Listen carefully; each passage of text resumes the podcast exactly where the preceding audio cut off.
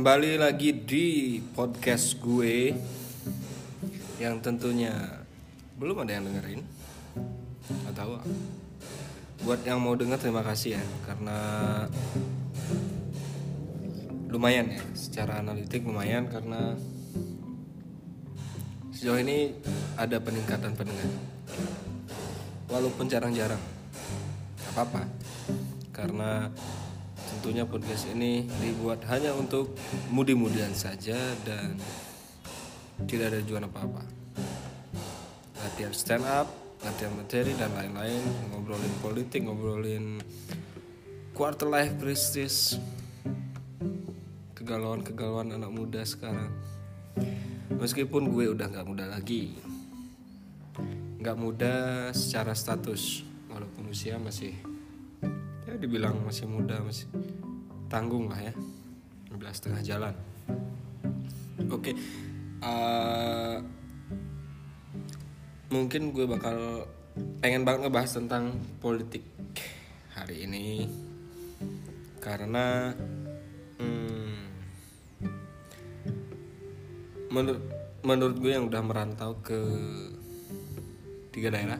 Daerah timur daerah barat daerah pusat barat pusat Jakarta. Dan berada di tempat itu di tahun-tahun politik kebetulan. Jadi waktu gue di Kupang juga pas tahun politik waktu di Jakarta juga ketemu tahun politik dan saat pindah ke Bali juga ketemu tahun politik. Yang kemarin terakhir adalah pemilihan uh, kepala daerah serentak. Um, menurut gue uh, perbedaan culture politik, perbedaan wilayah juga membuat sedikit perbedaan uh, secara garis besar gue menemukan perbedaan-perbedaan. Cara pandang masyarakatnya kemudian peluang-peluang kemenangannya. Khususnya wilayah timur untuk Kupang dan Bali mungkin gue rasa mirip-mirip ya cara permainan politiknya. Jadi figur itu berada di bawah partai politik. Jadi yang mendominasi masih partai politik. Dalam arti kalau lu pengen naik jadi kepala daerah utamanya ini untuk case nya kita batasi aja. Gue nggak bakal bahas untuk yang gue maksud adalah kepala daerah dulu ya. Kita akan nyerempet nyerempet nanti ke dewan. Pemilihan legislatif. Perbedaannya seperti apa yang gue melihat dan mengamati aja based on cerita-cerita sekitaran aja. Karena tidak punya pengetahuan politik yang luas juga. Jadi ya obrolan-obrolan sekedar lah. Apa yang hasil pengamatan sendiri aja. Iseng-iseng aja. Kenapa gue bilang daerah timur yang dominan partai? Jadi anggaplah bekal seor bekal untuk menjadi kepala daerah itu sangat dipentingkan oleh partai. Tentunya karena memang milihnya harus dari partai kan. Maksudnya dia harus nyalonin dari partai. Cuma kadang untuk kis Jakarta misalkan Jakarta itu dia figur di ada di nomor satu jadi masyarakatnya itu udah udah mulai objektif dia nggak penting dari partai mana yang penting figurnya itu punya IP yang cukup mewakili masyarakat. Nah, kalau di wilayah timur NTT, kemarin gue ada di sana waktu pemilihan, kemudian di Bali juga part figur itu ada mungkin di nomor dua ya figur eh nomor tiga kali figur pertama partai kemudian dia identitas kemudian baru figur. Nah program-program tuh di akhir tuh. Kalau di Jakarta figur penting sekali. Contohnya adalah oke okay, kita kita bahas waktu pemilu waktu pilgub deh pilgub Jakarta. Bahkan satu Indonesia tuh berisik semua. Berisik dalam arti semua ributin ah cocoknya ini cocoknya ini cocoknya ini sedangkan partai itu walaupun dia bergerak tapi kalau dia salah pasang figur kemungkinan menangnya agak agak agak kecil lah ya. Begitu juga di Jawa ya. Jawa mungkin karena medianya juga sang le, lebih dominan di Jawa. Jadi figur lebih penting karena uh, ketika ada media maka figur-figur ini bisa tampil lewat drama politik media gitu. Jadi sebelum dia lahir itu figurnya udah dikenal lebih dulu ketimbang dia dari partai apa. Contoh Jokowi misalkan uh, oke okay, kita tahu dia kader PDI tapi figurnya itu lebih dulu membludak di media sebagai figur wali kota atau sebagai ya pokoknya latar belakangnya lain-lainnya dari Solo kemudian kemudian diikuti oleh identitas ya dari Solo kemudian dia mewakili orang rakyat mewakili pebisnis uang cilik lalu kemudian baru partai. Dan tentunya ini brand ini mutualisme antara figur dan partai. Jadi nggak gue nggak tahu apakah karakter itu dibentuk oleh partai atau dia membranding dirinya sendiri Jokowi membranding dirinya sendiri sehingga partai melirik itu. Kejadiannya itu ada macam-macam lah. Contoh mungkin uh, figur yang dimanfaatkan oleh partai adalah siapa ya? Giring Niji mungkin ya. Giring PS kader-kader PSI dominan dia itu memanfaatkan figur. Jadi karena partai baru mungkin jadi untuk terlihat dia perlu figur yang cukup kuat cukup populer. Entah identitasnya dari apa bodo amat yang penting populer dulu lah. Itulah kenapa seleb masuk di sana. Kemudian contoh lagi Tinatun mungkin dia le, uh, fig, figurnya lebih naik dulu baru diambil. Kalau Tinatun dia di legislatif ya. Oke. Nah kemudian apa yang terjadi di pemilihan di Bali misalkan? Kalau di Bali gue rasa figur itu ada di nomor dua kemudian partai di nomor satu. Karena uh, figur yang muncul ketika hmm, pemilihan gubernur kemarin, pemilihan uh, pemilihan bupati, wali kota dan lain-lain itu pemilihan gubernur bahkan kemarin itu figur yang hampir tiba-tiba muncul. Siapa nih nama ini? Walaupun memang nama figurnya cukup cuma dominasi partainya lebih tinggi ketimbang nama figurnya. Dan gue rasa kebanyakan orang itu baru baru tahu Pak Koster. Walaupun gue tahu sebelumnya Pak Koster sebagai apa cuma kebanyakan orang gue yakin lebih karena dia adalah dari kader. Mesin partainya lebih jalan gitu menurut gue.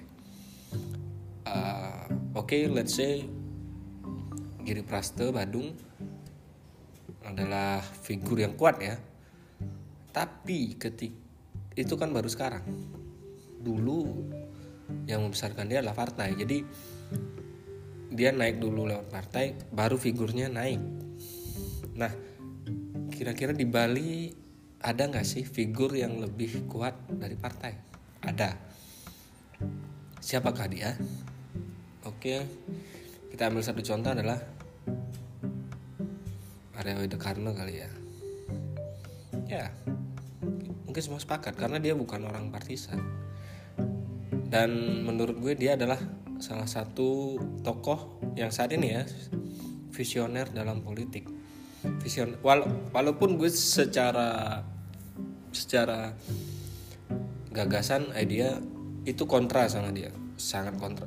Banyak kontranya tapi sebagai figur politik dia adalah tokoh yang menurut gue visioner. Dia melihat dia sang, perjalanan karir politiknya sangat berhati-hati dan kemudian pilihan-pilihan pilihan-pilihan uh,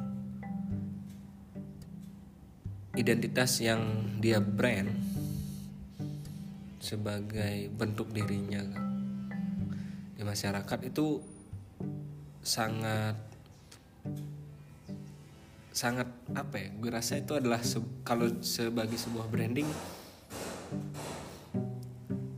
dia berhasil menurut gue. Karena apa pun alasan akhirnya dia naik sebagai uh, di PD uh, sekarang kita lebih spesifik membahas tentang strategi politiknya Arya Widakarna dan figur-figur lainnya lah ya yang yang gue lihat ada figur yang muncul lebih dulu dari partai. Salah satunya ini si Arya Widakarna. Apa pun kasusnya sangat kontroversial ya tentu kita tahu dari awal kemunculannya. Gue rasa dia sangat uh, konsisten dalam membranding dirinya sebagai akademisi, kemudian sebagai perwakilan Hindu yang sangat kanan, kemudian sebagai tokoh yang wah banyak ya brandingnya dia itu banyak banget ya Soekarnois dia salah satu brand yang diambil dia jadi tentunya dia lahir dengan privilege bahwa ayahnya punya kampus yang kemudian tentunya gelarnya juga didapat dari sana ya. Jadi sebuah privilege tentunya. Gue pun gue rasa kalaupun gue punya kampus sendiri kalau tidak punya pengetahuan politik atau kemampuan untuk membrand diri sendiri mungkin gue nggak kepikiran tuh baik mendapat gelar doktor. Gelar doktor kali ya? Apa ya pokoknya? Itulah dari kampus sendiri dan mempublish itu. Gue rasa kedekatannya dengan Bali TV juga lumayan dan kedekatan-kedekatannya dia dengan media juga lumayan membantu dia untuk mengembangkan identitasnya sebagai tokoh. Terlepas dari juga gerakan-gerakannya dia ya yang sangat kontroversi. Tapi uh, terlepas dari kontroversi kita harus mengamini bahwa pilihannya dia itu cukup cukup make sense. Make sense dalam arti jualannya dia itu laku gitu loh. Jadi dia walaupun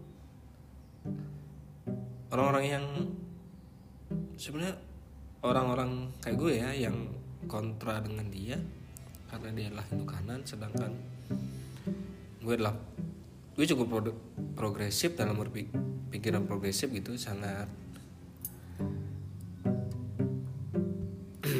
sangat apa ya aneh gue rasa lucu aja orang itu. Tapi di masyarakat justru identitas itulah yang lebih banyak disukai gitu.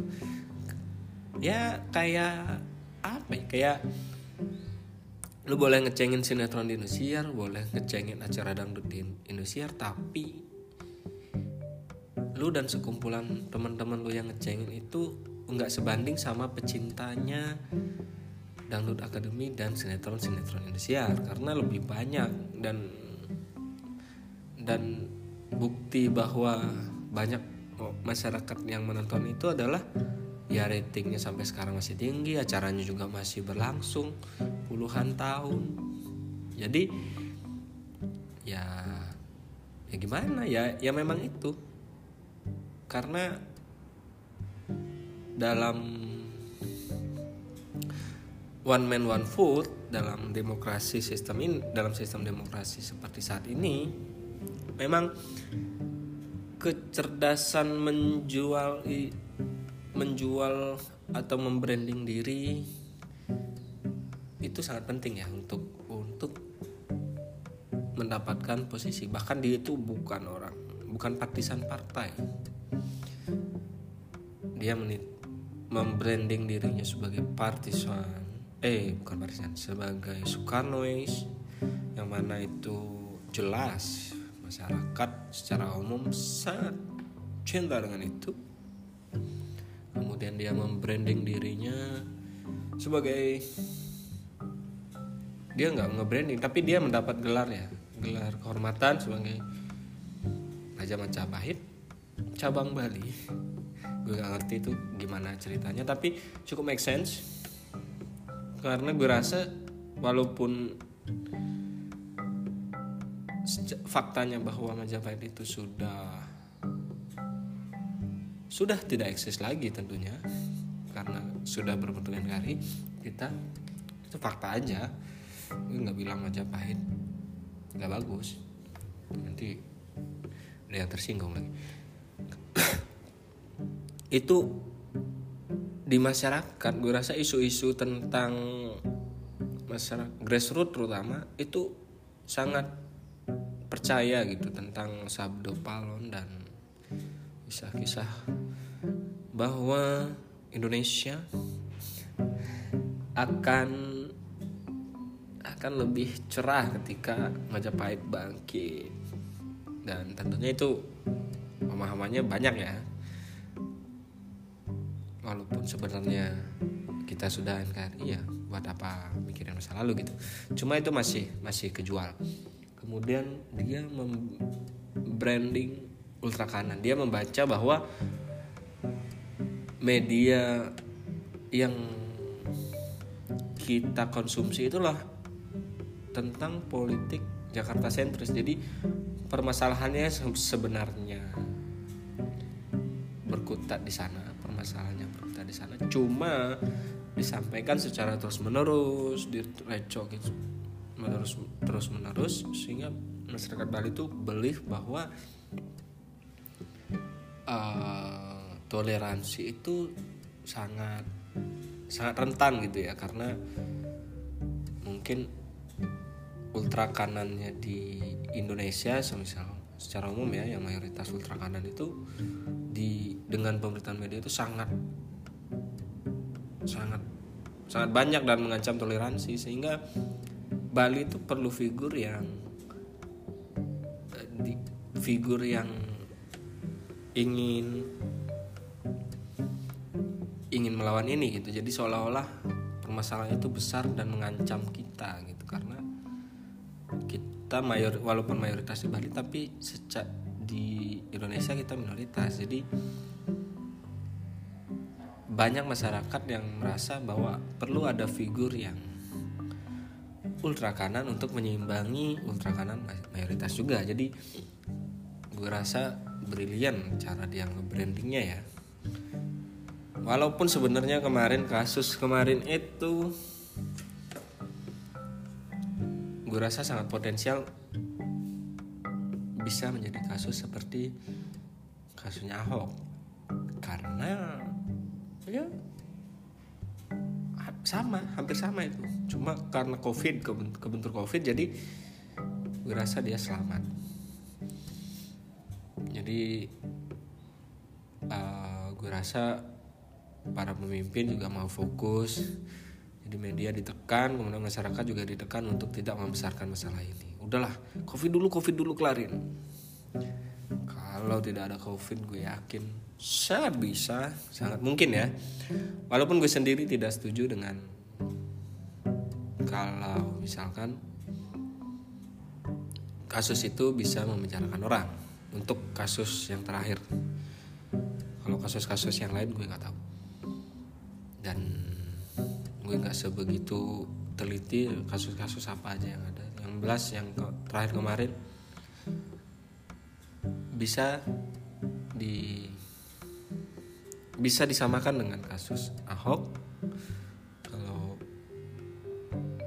kalau memang desakan masyarakat sangat tinggi. Kemudian walaupun gue sendiri memang tidak setuju kalau itu menjadi ini. Cuma secara etis memang itu bukan et, bukan etikanya. Jadi dia melanggar etika bukan bukan tindak pidana ya tidak etis seorang public figure berbicara tentang keyakinan. Tapi dalam posisi itu dia juga membela diri bahwa di sana dia diundang untuk berbicara tentang hal itu. Jadi ya, ya gimana? Oke. Selain dia siapa sih top figur yang muncul? Kira-kira meramaikan kancah perpolitikan di Bali yang cukup kelihatan ya Oke kita tahu Giri Praste dengan menggandeng partai yang sangat-sangat dicintai di Bali. Berasa mesin partai berjalan work well sejauh ini. Kemudian figur lain yang menarik adalah Klungkung mungkin ya. Jadi dia lahir dari partai yang berbeda, tapi figurnya cukup kuat sebagai businessman. Sempat cerita kemarin ada yang cerita ke gue jadi Pak dan gue juga nonton vlognya vlognya Jun Bintang ketika wawancara Bupati Kelungkung siapa sih namanya? Suwir Suwir apa? Walaupun belum nempel betul di kepala gue tapi figurnya uh, brandnya dia udah muncul sebagai pengusaha.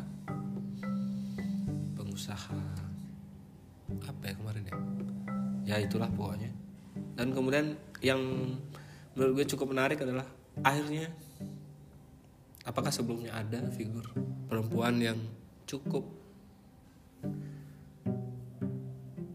cuk, brandnya cukup? Gue rasa belum ya. Apa gue nggak tahu nggak tahu lah. Mungkin gue sebut nggak tahu aja. Yang jelas sekarang muncul figur wanita yang cukup bagus menurut gue yaitu Niluh Jelantik dengan brand sebagai pengusaha muda pengusaha kreatif yang sudah go internasional dan juga sebagai figur pengusaha pariwisata. Tentunya karena suaminya dulunya bule nggak tahu sekarang udah jadi WNI apa belum. Harusnya sih udah. Karena karena nggak mungkin kalau dia itu nggak nggak uh, mungkin dia bukan WNI kalau sementara si Niluh menjadi partisan dan aktif di dunia aktivisme sebelumnya aktif di aktivisme di Walhi juga kayaknya.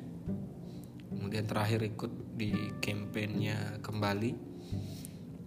Entah siapa pelopornya tapi ada youtuber youtuber gitulah pokoknya.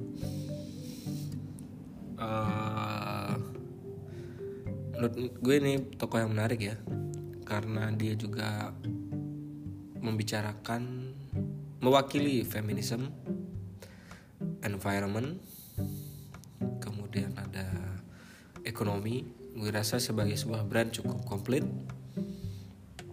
Tinggal pendekatannya ke masyarakat untuk touching touching ke masyarakat brand apa yang akan dia umpankan. Dan apa hmm, kisahnya cukup menarik dia jadi dari gue baca biografinya di Wikipedia tentunya. Dia lahir di keluarga yang cukup susah. Ini ini sebuah brand ini yang sangat menarik ya. Jadi ngejual banget nih. Indonesia tuh suka yang simpati simpati gitu pokoknya. Jadi dia dari orang susah kemudian susah sampai untuk membeli sepatu ketika sekolah katanya. Susah banget. Yang kemudian menjadi inspirasinya dia untuk mem membangun uh, market sepatu yang sudah go internasional. Dipatenkan tahun 2008 yang sebelumnya adalah Nilo kemudian diambil alih brandnya oleh usaha Tiongkok apa ya? Nggak ngerti lah. Kemudian dia membentuk brand baru lagi dengan namanya sendiri. Karena cukup menarik ceritanya bahwa dia tidak ingin sepatunya dipabrikasi dengan alat modern. Jadi dia mempertahankan handicraft. Luar biasa. Tentunya sebagai sebuah identitas figur untuk maju ke, ke kancah politik ini sangat kuat ya. Ya semacam Jokowi lah ya maksudnya dari susah dari pengusaha mebel mewakili masyarakat kecil yang ekonominya susah bahwa kalau anda punya semangat anda bisa menjadi pemimpin walaupun kenyataannya. Tentu tidak karena perlu kecerdasan yang cukup. Kuak kuak kuak kuak kuak, kuak. jadi berasa untuk sebuah brand nyiluh juga cukup kuat ya cuma pilihan maksudnya partai yang meminang antara dia dipinang atau dia memilih memang mendekat ke Nasdem. Gue rasa itu pilihan strategi gue nggak ngerti mungkin dia melihat kalau dari mewakili partai PDI mungkin figurnya terlalu banyak dia akan susah. Dan kita belum tahu dia akan ke arah mana. Apakah ke arah DPD DPR atau gubernur. Tapi gue berharap dia mencalonkan diri sebagai gubernur sebagai bentuk inspirasi generasi selanjutnya bahwa idea of feminist idea of feminism itu harus mulai eksis di Bali. Menarik sekali ini. Walaupun sekarang sampai tahun 2004 2024 kita akan bersantai-santai jauh dari dunia politik. Tapi tentunya kita masih berjuang melawan covid yang sungguh sialan belum jelas walaupun udah ada vaksin belum tahu nih sampai kapan kayak gini. Tentunya normal 100 normal itu tidak mungkin terjadi ya. Kita akan tetap dalam kungkungan masker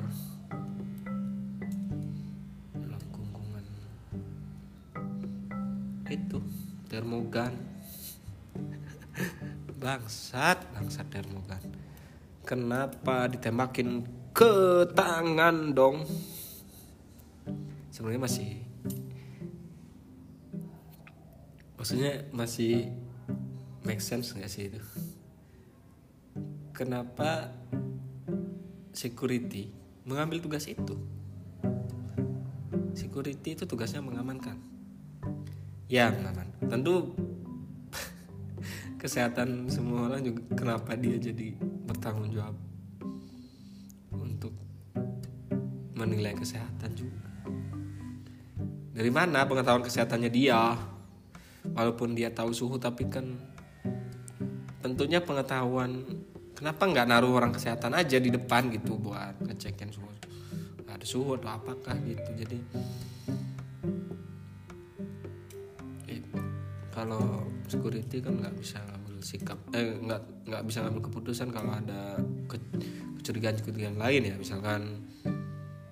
Sebenarnya anggaplah securitynya kentut atau bau badan kemudian dia nyambakin termogan suhunya normal tapi orang ini bisa lewat walaupun securitynya sendiri yang kentut dan bau badan sudah merasa tidak nyaman dengan baunya sendiri dan orang itu tetap bisa lewat dengan senyum-senyum. Tentunya itu adalah hal yang mencurigakan karena salah satu ciri-ciri COVID adalah